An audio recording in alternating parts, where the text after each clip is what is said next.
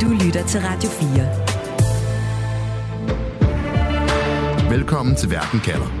Din vært er Stine Roman Dragsted. Dag skal det handle om to ledere, som får verden til at skælve af frygt, når de invaderer deres naboland eller sender monstermissiler hen over deres genbo for at spille med musklerne. Og de vækker afsky og vrede, når de sætter imperiedrømme og militær oprustning over menneskeliv. Nu har Rusland og Nordkoreas ledere så omfavnet hinanden, og de er blevet enige om at alliere sig imod Vesten. På Verden kalder er vi nysgerrige efter at høre, hvilke aftaler Putin og Kim Jong-un har indgået, mens de så på raketaffyringsramper, spiste krabbedumplings og skålede for deres fælles kamp, og hvilke konsekvenser de aftaler får. Derfor spørger jeg i dag, skal vi frygte alliancen mellem verdens to store skurke? Jeg hedder Stine Krohmann Dragsted. Velkommen til programmet, hvor vi stiller skarp på et aktuelt spørgsmål om verden, og på en halv time giver dig svar. Du lytter til Radio 4. Og velkommen til dig, Flemming Spidspol, seniorforsker hos DIS med speciale i Rusland og i det postsovjetiske område. Ja, tak. Flemming, i Vesten, der kalder vi Nordkoreas diktator for en skurk, og han er blevet kaldt mange andre ting. Hvad kalder Putin ham nu, hvor Putin serverer andeslater, krabbedumplings og havtornsobé for Kim Jong-un en, en ven, en partner? Nordkoreas øh, leder er jo nok øh, blevet en partner, øh, en mulig strategisk partner, altså en, hvor man så man har nogle langsigtede mål og ambitioner sammen med. Øh, han bliver portrætteret i de russiske medier som en øh, visionær leder, en øh, leder, som øh, trods øh, store udfordringer jo øh, i forbindelse med sanktioner fra vestens side, har formået at skubbe sit land frem, og som, øh, som holder det på den kurs, som han egentlig har udstukket. Så, så tonen øh, i de russiske medier blandt russiske politikere, når det gælder Kim Jong-un, er, er langt overvejende positiv selvfølgelig.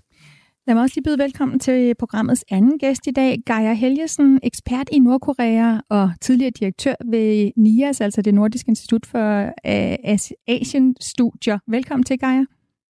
Tak. Gaia Kim Jong-un, han har kørt 20 timer fra Nordkorea til Rusland i sit grønne tog. Han har erklæret sin støtte til Putins krig i Ukraine, og han har støttet Putin i, at Rusland nok skal vinde over og straffe det, som Kim Jong-un kalder onde kræfter. Gaia, altså i Kim Jong-uns perspektiv, er Putin den gode? Hvem er skurken? ja, det er jo primært USA selvfølgelig.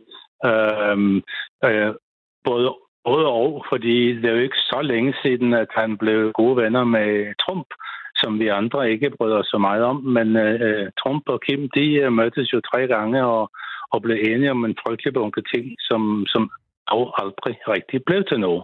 Så øh, altså, hvad man siger, øh, sådan, når man mødes på den måde, det, øh, det skal man jo ikke øh, sætte alt for stor en lid til, vil jeg tro.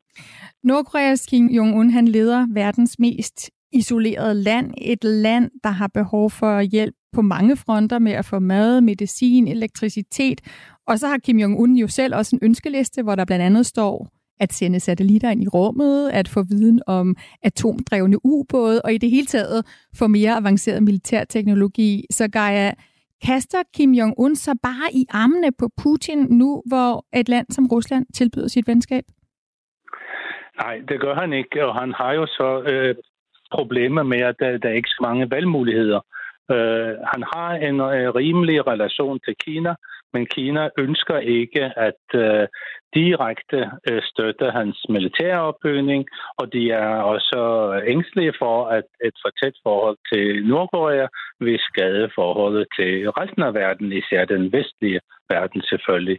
Så Øh, jeg tror da nok, at øh, det betyder en hel del for, øh, øh, for Nordkorea at øh, komme lidt tættere på, på det Rusland, som i gamle dage hed Sovjetunionen, øh, og hvor man altså virkelig øh, fik øh, broderlig og kammeratlig hjælp osv. Og, og det er jo en del år siden.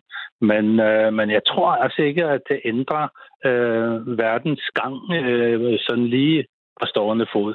Og Vesten, USA i særdeleshed, Sydkorea også, Japan, øh, for at nævne det tredje land, har jo muligheder for at intervenere i forhold til, øh, hvordan de ønsker, at Nordkorea skal udvikle sig. Men til mere de presser Nordkorea, Øh, til mere presser de ham selvfølgelig i armene på Putin og øh, også måske Kina.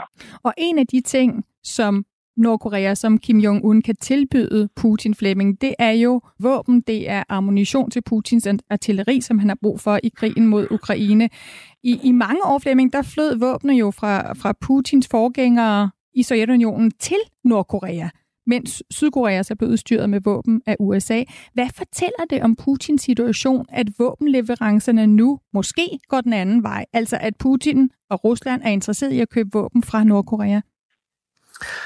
Det fortæller os, at Rusland er presset øh, militært i krigen i Ukraine. Det er på materiel siden, det er det, det drejer sig om. Det er sådan set også på mandskabssiden, der er store rygter i Rusland lige nu om en kommende mobilisering. Men det er tydeligt, at deres lager er ved at være tømte. Det er tydeligt, at de ikke kan øh, følge med i produktionen, og derfor har de nu altså ragt ud til Nordkorea for at øh, jo købe våben tilbage. Det er jo sovjetiske våben, øh, mange af de her, hvis ikke størstedelen af det, vi taler om, altså sovjetiske våben, som er blevet leveret på et langt tidligere tidspunkt, som har ligget i Nordkorea, og som passer til de russiske standarder. Det er jo noget af det, der er udfordringen for Rusland, det er at finde våben, som passer til deres våbensystemer. Og her taler vi altså for eksempel om artillerigranater, anden type af ammunition. Der blev en dag i russiske medier talt om, om det missil, der hedder Iskander, altså et nyere missil, som er leveret fra Rusland til Nordkorea. Og der har russerne altså også bedt om at købe nogle af dem tilbage. Flemming, i dag der vil Putin så gerne have Nordkorea til, til at hjælpe med våben til invasionskrigen i Ukraine. Har alle russiske ledere set på Nordkorea som en potentiel øh, ven, en potentiel militær alliancepartner at Putin lige nu øh, skiller sig ud, og det er jo en lidt speciel situation, der er, der er kommet. Altså, da Kim Jong-un var i Rusland for fire år siden i 19, øh, der fik han også en fin modtagelse. Jeg husker, da hans far var i Rusland for en del år siden, vi er tilbage i nullerne, han øh, rejste også med det her tog, det samme tog, det kørte igennem hele Rusland til Moskva. Det tog lang tid. Og de russiske medier viste stor interesse for det undervejs, men de præsenterede det også som sådan lidt bizart show, altså et cirkus, der var kommet til landet, hvor man kunne observere det her underlige tog rejse øh, snegle sig igennem Rusland, og så gjorde det stop undervejs, og der var en lokal guvernør her og en top embedsmand der, som tog imod ham, når han, når han øh, trådte ud. Og det var lidt specielt. Altså man så på det som noget fra en meget fjern fortid. Kim Jong-un har fået en anden status, og, og det vi så har set lige nu, altså på grund af krigen i Ukraine og Ruslands øh, akutte behov for, for våbenhjælp, det har altså løftet ham op på, øh, på et nyt niveau. Der er jo nogle ting, vi ved om de her lederes møde, Gaia. Altså, vi ved, at Putin, ud over krabbedumpling, som jeg nævnte, øh, også har budt øh, Kim Jong-un på kaviar, selvfølgelig. Vi ved også, som mm. Flemming nævner her, at Kim Jong-un kører til Rusland og tilbage til Nordkorea i det her grønne, armerede tog, som hans familie har brugt i overvis, som hans far også har kørt i. Men der er jo rigtig meget om møde mellem de to ledere, vi ikke ved. Vi ved for eksempel ikke, om Kim Jong-un har sagt ja til at levere våben til, til Putin. Gaia, får vi nogen nogensinde et klart svar på det? Får vi et klart svar på for eksempel, om Kim Jong-un siger, ja, jeg vil gerne sælge våben til dig, Putin? Nej, det tror jeg faktisk ikke. Jeg tror nok, at det vil være mennesker rundt omkring, der vil påstå, at øh, de ved nøjagtigt, øh, hvad de har snakket om, og, og hvad de er blevet enige om.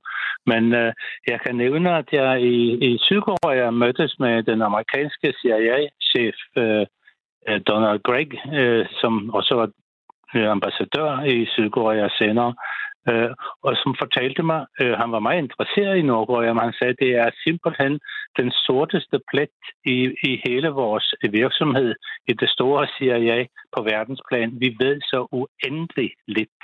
Og det vi påstår, vi ved, det ved vi som en heller ikke. Det er spekulationer.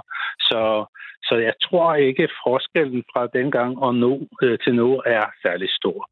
Så det er gætteri, men man kan sige, at øh, Flemming øh, kan måske øh, gætte lidt kvalificeret, og, og det håber jeg også, at jeg kan. Mm, det her enorme hemmelighedskrammeri omkring Nordkoreas gådefulde diktator, det viser jo, at øh, på samme tid som at vi opfatter Kim Jong-un som en, en, en skurk, en bandit, der affyrer missiler og rasler med sablen, ja, så er Kim Jong-un jo tydeligvis også bange for omverdenen, bange for os. Gaia, hvad er det, diktatoren frygter, når han for eksempel kommer til Rusland i, i et armeret tog? Altså, er det et, attentatforsøg?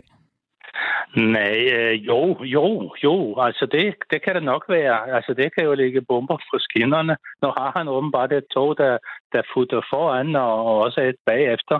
Så, så han er temmelig forsikret, som man nu kan være det. Det skal jeg lige forstå. Øh, der er simpelthen et tog, der kører foran, i, i, hvis nu, at der skulle ligge en bombe. Ja, ja, er det. Og et, der kører bagefter med, med det, han måtte mangle undervejs. Så han er meget godt øh, forskanset, vil jeg sige. Men, øh, men, øh, men altså, han, det der med, at han er bange for USA, han er bange for omverdenen, i øjeblikket han er bange for den sydkoreanske øh, militær, som, som jo er langt stærkere end, øh, end det nordkoreanske, og øh, som i øvrigt, altså der er 25-30.000 amerikanske soldater og en del baser i Sydkorea. Så han, selvfølgelig har han, mener han selv, og det har han nok også ret i, han har grund til at være ængstelig.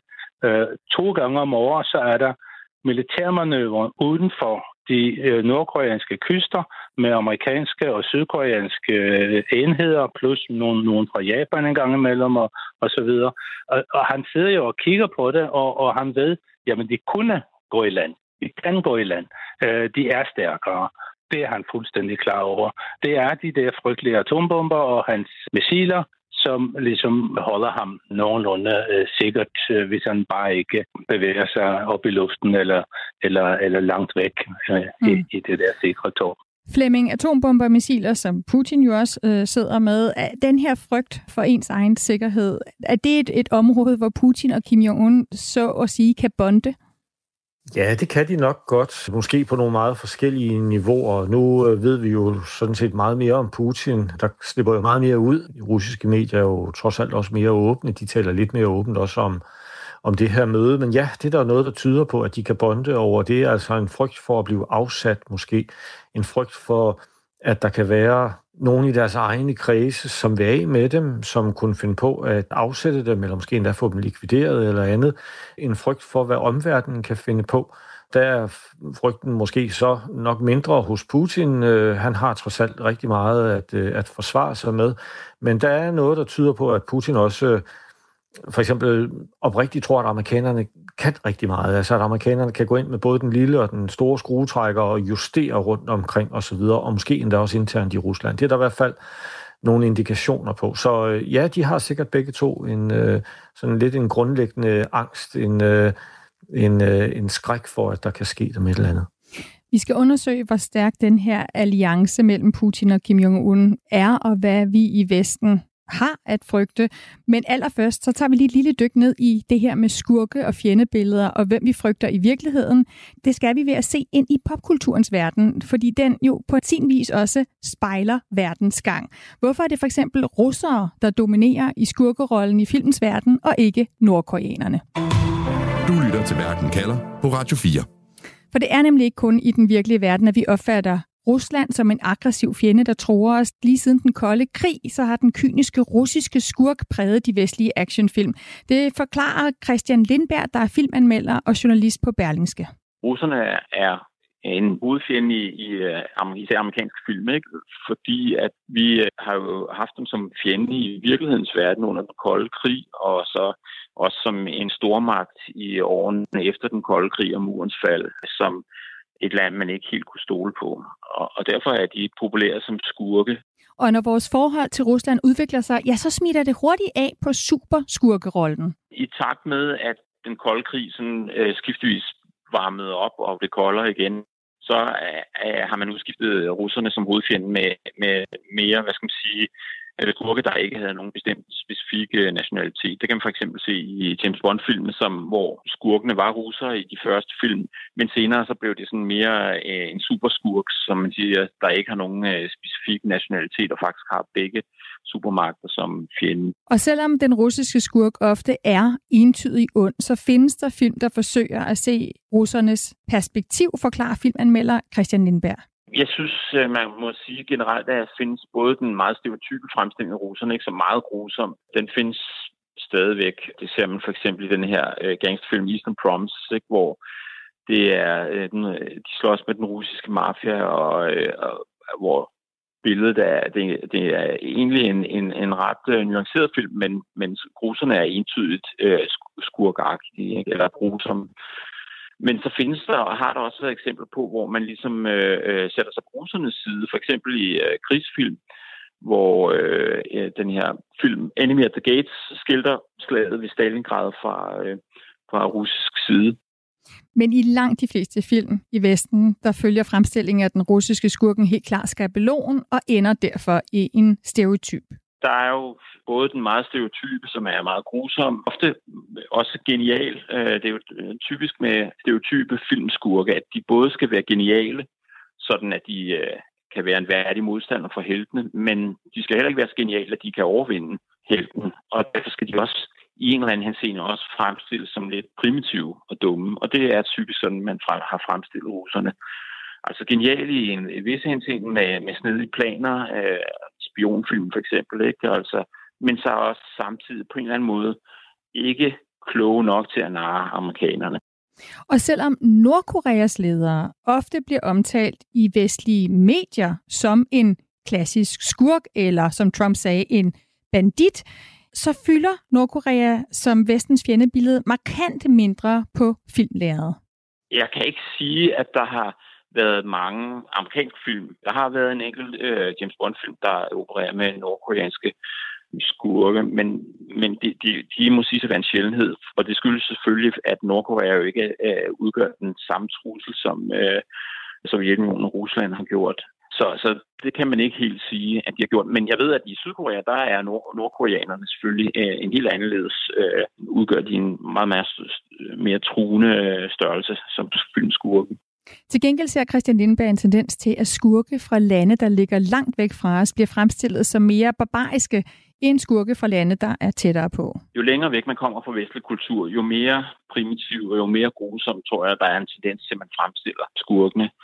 Man kan for eksempel se, at de særligt onde i den her film, jeg nævnte før, Eastern Promise, i de ikke russere, men tjetjenere, som er jo sådan en, øh, en, et folkeslag i øh, det gamle Sovjetunionen. Ikke? Og øh, på en eller anden måde, så har man gjort dem til at være en tand mere grusomme. De øh, overfalder helten med knive i, i øh, en øh, badestue, for at det ikke skal være løgn. Og, og, og det, øh, det vidner så om deres særlige barbari, ikke? at de øh, på en eller anden måde er lidt længere væk fra vores kultur. Og det samme tror jeg, man kan selvfølgelig kunne se, se om de tilfælde af nordkoreanske skurke, der har været. Sådan lyder altså analysen fra Christian Lindberg, der er filmanmelder og journalist på Berlingske. Geir Helgesen, du har lyttet med her. De nordkoreanske filmskurke er mere barbariske end de russiske. Altså i vores vestlige film lyder det her. Hvad, hvad siger de her fjendebilleder i vores popkultur, i vores filmverden, om hvordan vi ser på Kim Jong-un som en skurk i den virkelige verden? Altså, jeg synes jo, det siger en hel del om vores øh, popkultur, vores, øh, hvis man skal kalde det kultur. Altså, det er jo så utrolig nemt, øh, når man tager nogen, som har totalt et andet sprog, en anden musiktradition, en anden, øh, øh altså andre traditioner i, i, i et hvert øh, aspekt af menneskelivet og gøre grin med det. Altså som om de er øh, nærmest barbariske, eller, eller infantile, eller altså ikke rigtige mennesker. Og det er jo øh, ærgerligt og trist, fordi det påvirker folks opfattelse af virkeligheden. Og øh, når nu medierne, øh, undskyld jeg så bringer jer ind, øh, faktisk øh, ikke alle, men også mange bruger øh, det at øh, demonisere øh, de andre. Altså man demoniserer jo Nordkorea, og man betragter Nordkorea, man, man køber propagandaen fra det konservative Sydkorea og fra USA, når det nu ikke lige er Trump, der sidder på magten, og, øh, og, og, og som fortæller befolkningen, at, øh, at de er farlige, vi skal frygte dem. Jeg får telefonopkald fra børn, som, som spørger, bliver det nu krig? Øh, kommer de til at ramme også de, de nordkoreanske missiler? Øh, kan de det? Og, sådan at sige, tag det roligt. Nej, nej, nej, det passer ikke. Det, øh, de, de, de, de bliver slet ikke skudt af, men hvis de bliver skudt af, så, så, så, så, så sigter de altså ikke på Danmark. Det kan jeg nærmest garantere jer. Og det bliver, det bliver de altså glade for. Det er børn på, på 8, 9, 10, 11 år. Det, det er jo trist, at det skal være sådan. Flemming, har russerne også en typisk vestlig skurk i deres film, som viser noget om, hvordan de ser på os?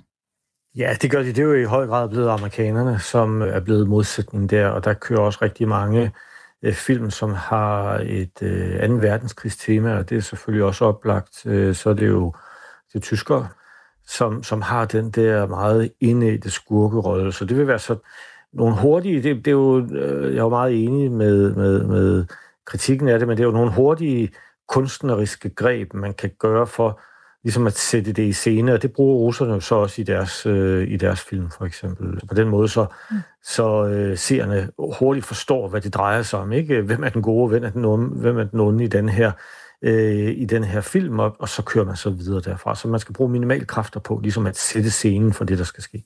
Og de behøver nok ikke bruge så mange kræfter, når man skal sætte en scene. For eksempel i den næste James Bond-film, fordi det er faktisk nærmest som taget ud af en actionfilm, synes jeg i hvert fald, når Putin og Kim Jong-un mødes på det her russiske rumcenter og beundrer affyringsramper for, fra rumraketter. Men det er jo ikke film, det er virkelighed. Og det er krigen i Ukraine også, og det er den humanitære situation for mange nordkoreanere også. Så lad os lige gå tilbage til virkeligheden og kigge på konsekvenserne af den her alliance mellem Rusland og Nordkorea. Radio 4. Ikke så forudsigeligt. Flemming, for Putin handler det her møde med Kim Jong-un først og fremmest om at sikre sig ammunition til Ukrainekrigen, eller er der mere på spil? Begge dele. Det handler i høj grad om at sikre sig ammunition. Altså, vi kan se det ret tydeligt i de russiske medier. De har skrevet åbent om det at, øh, at det drejede sig om at få adgang til våben, øh, blandt andet de her artillerigranater. Øh, og så handler det også om mere. Mm, der kører jo et stort spil lige nu om hvad skal man sige, en debat om en kommende verdensorden, og russerne hævder, at de står i spidsen for den bevægelse, som vil introducere en ny og mere demokratisk og inkluderende og åben verdensorden. Øhm, og der er det vigtigt for, for Putin at øh, blive set med nogen, som som støtter hans tanker, skulle jeg til at sige, i hvert fald hans udsagn, og det gør Kim Jong-un jo, så kan det også være et ønske om at, øh, at vise selvfølgelig, at der er nogen, der står sammen. Øh, der er også nogen, der gerne vil mødes med mig. Øh, vi kan også se, selvom vi er isoleret, så har vi også fortsat nogle partnere. Og så måske et sidste element i forhold til at, at takke øh, Nordkorea, Kim Jong-un måske for den støtte, der har været. Altså øh, Nordkorea støtter jo Rusland i FN's øh, generalforsamling i afstemningerne. De afviser al kritik af, af Rusland. Nordkorea har anerkendt øh, de besatte områder som en del af Rusland, og og, øh, og Kim Jong-un talte jo om det her som en hellig krig. Jo ikke en religiøs forstand, men ved ligesom at løfte den op og retfærdiggøre det og sige, at det er en meget legitim krig, der er en pligt til at måske at deltage i den og føre den succesfuldt til ende. Så Flemming, når at Putin så åbent taler om, at han gerne vil købe våben af Nordkorea, hvilket jo går imod alle de sanktioner, der er vedtaget i FN om, øh, omkring Nordkorea, er det så et tegn på, at Putin ikke tror, at forholdet til Vesten kan blive bedre? Ja, det tror jeg bestemt han har konkluderet, at det kan det ikke. Det vil i hvert fald tage lang tid, så, så hans udgangspunkt er sikkert, at han skal prøve at øh, navigere bedst muligt under de her nye forhold, som er, at, øh, at Rusland vil være udsat for sanktioner. Rusland er jo suverænt mest sanktionsbelagte land i verden, og der kan være forskel på, hvordan man ligesom opgør det, og der er en international restordre øh, mod Putin, som også begrænser ham, og jeg tror, han er nået til den, den konklusion, at, at der er ikke rigtig nogen vej tilbage. Det er en ny virkelighed, han skal prøve at navigere i, og det gør han så øh, efter bedste evne, og, og der prøver han så at række ud til dem, som, øh, som gerne vil ses med ham, og som, som måske har noget at tilbyde, og, og hvor han ser nogle muligheder for, for noget perspektiv. Og Gaia, Kim Jong-un er vel fuldstændig klar over den her nye situation, som Putin befinder sig i, og bevidst om, at Putin derfor måske vil gå længere for at hjælpe Nordkorea, end for eksempel Kina vil gå lige nu. Ja, det tror jeg bestemt. Det er hans håb. Øh, det kan han jo ikke vide, men, øh, men øh, Kina har været tilbageholdende. Altså, de har jo helt klart holdt Nordkorea kørende, men på lavt blus, og de har også klart sagt, at de er interesseret i, at man finder en løsning på Koreaspørgsmålet. Det har de også sagt til USA. Men jeg tror ikke, at, øh, at Kim på samme måde som Putin, og nu skal jeg ikke øh, kloge mig på Putin, men, men Kim vil, vil hele tiden være meget opmærksom på, bliver jeg nu for afhængig af en stormagt? Han har, altså, han har alle mulige grund til at, at elske Kina, fordi han bliver holdt ved lige af Kina på, på lavblod. Men han gør det ikke, fordi han er bange for at blive en, en lille satellit til Kina og også til Rusland. Og derfor så, hvis nu der kommer en øh, amerikansk præsident efter den nuværende, som vil tage en snak med ham igen, så er han helt interesseret i at, at komme i gang med at snakke med amerikanerne igen. Så der er faktisk måske en større risiko, eller øh, Kim Jong-un, der er måske mere på spil for ham ved at mødes ved Putin end omvendt? Ja, det, det, det tror jeg. Altså, øh, han bliver presset meget alvorligt nu. Nu hører jeg, at uh, Rusland er det mest embargo-belagte uh, land i verden, og det skal nok være rigtigt, men så tror jeg helt sikkert, at Nordkorea er nummer to. Mm. Og der er altså hele tiden ting, som sydkoreanerne under en rimelig progressiv regering gerne ville have gjort for at hjælpe Nordkorea, som, hvor de får besked af det embargo-regime, at det må I ikke fordi i må ikke køre ind med lastvogne, I må ikke gå dit, og I må ikke gå dat. Hvis Nordkorea, Gaia, nu både kan læne sig op af Rusland og af Kina, hvad har vi så i Vesten at tilbyde, hvis vi når dertil, hvor vi egentlig gerne vil engagere Nordkorea i diplomati, i et forsøg på at reducere spændingerne over atomvåben, over ballistiske missiler? Vi, vi har rigtig meget, vi kan, vi kan gøre, men jeg er bange for, med sådan 40 års erfaring med, med Vesten og Nordkorea, at jeg tvivler på, at vi kan. Øh, men det vi kunne gøre, var selvfølgelig at sige til Nordkorea, at vi er ked af, at I øh, generer jeres naboer, at I, I skræmmer med, med jeres våben og satellitter og nogle atomvåben osv. Øh, vi vil godt give jer en, en aftale om, at for eksempel EU vil øh, økonomisk set øh, lave en, en handel med Nordkorea, nul atomvåben, nul missiler, men øh, I får en økonomisk udvikling, hvor I kan i løbet af de næste 25 år øh, komme på højde med Sydkorea. Og det vil vi gøre sammen med Sydkorea selvfølgelig. Det bliver ikke den nuværende regering i Sydkorea, men måske den næste. Det tror du, så Kim Jong-un vil sige ja til, og så vil han sige, så slår jeg færdig mine atomvåben og mine missiler? Altså, han lagde på det sidste møde med Trump i Hanoi, der lagde han et forslag på bordet, som sagde, jeg, jeg dropper atomvåben, jeg dropper missiler, mm. hvis jeg får en normalisering af forholdet med USA, hvis man får, vi går fra en uh, våbenhvile til en fredsaftale, hvis vi opretter øh, diplomatiske forbindelser, først med bare et kontor i hver øh, hovedstad, men sigter på en normalisering af forholdet, så har jeg ikke brug for mine atomvåben eller missiler. Flemming, en ting er, at Putin mødes med ledere fra afrikanske lande, eller taler med sydamerikanske ledere, eller med Indiens Modi for at vise, som du siger, altså os i Vesten, jeg er slet ikke så isoleret, som I tror. Er det ikke noget andet at tale med en, en diktator som Nordkorea? Altså, er der slet ikke nogen risiko for, for Putin i det her? Jo, der kan godt være en lille risiko. Altså, der er jo ikke en risiko for Putin i forhold til nogle af de andre ledere. Der er jo ikke nogen, der der siger, at nu kan vi ikke øh, mødes med dig mere. Det tvivler jeg på, at, øh, at det vil have den konsekvens. De fleste vil mere bare, hvis, hvis de er skeptiske i forhold til den her tilnærmelse, så vil de nok måske snarere bare forbigå det i tavshed. Men det kan være en udfordring måske, at det, at det udstiller en russisk svaghed. Altså hvis vi virkelig er der, hvor Rusland er så hårdt presset militært, at de er nødt til at bede Nordkorea om støtte, altså på den måde, at Rusland vil tilbagekøbe sovjetiske eller russiske våben, så, så er det måske et af æsserne, som Putin ellers har haft, som, øh, som han er ved at tage på gulvet. Altså det der med en, en, en militær stormagt, måske endda en militær supermagt, som, som nu er presset på grund af, af det, der jo er en, en lokal krig for, for Rusland, men som jo er en, en langt større krig, end de har kunnet håndtere. Der kan måske ligge en risiko i det. Du lytter til Radio 4. Og du lytter til Verden kalder, hvor jeg i dag stiller spørgsmålet, skal vi frygte alliancen mellem verdens to store skurke? Flemming Spidsbol, hvad er dit svar på det spørgsmål? Ja, det skal vi. De våbenleverancer, som måske kommer fra Nordkorea til Rusland, de er ikke kampafgørende i forhold til krigen i Ukraine, men jeg hæfter mig ved, at russiske medier taler om, at øh, Rusland vil overføre missilteknologi til Nordkorea, og en russisk kommentator skrev efter mødet, at, øh, at nu kan Vesten være sikre på, at, øh, at Nordkorea, som i forvejen har atomsprænghoveder, også vil være i stand til at levere dem præcis der, hvor de skal leveres. Så øh, noget tyder på, at der vil komme avanceret missilteknologi fra Rusland til Nordkorea, og det synes jeg på en måde er bekymrende. Geir Helgesen, skal vi frygte alliance mellem verdens to store skurke? Ja, hvis vi bliver ved med at demonisere og, og skære verden op i to øh, isblokke, så, øh, kan det, øh, så vil jeg være fuldstændig enig med det, Flemming Spidsbol lige sagde. Men jeg tror, at vi har mulighed for at intervenere, at ændre på verdens gang ved at holde op med og, og dele op på den måde og tilbyde et land som Nordkorea, som er et fattigt land på trods af atomvåben og missiler, men de ønsker en økonomisk udvikling, som de ikke kan magte alene. Vi kan hjælpe dem, og så har vi ikke den fjende mere. Tusind tak for den konklusion, begge to.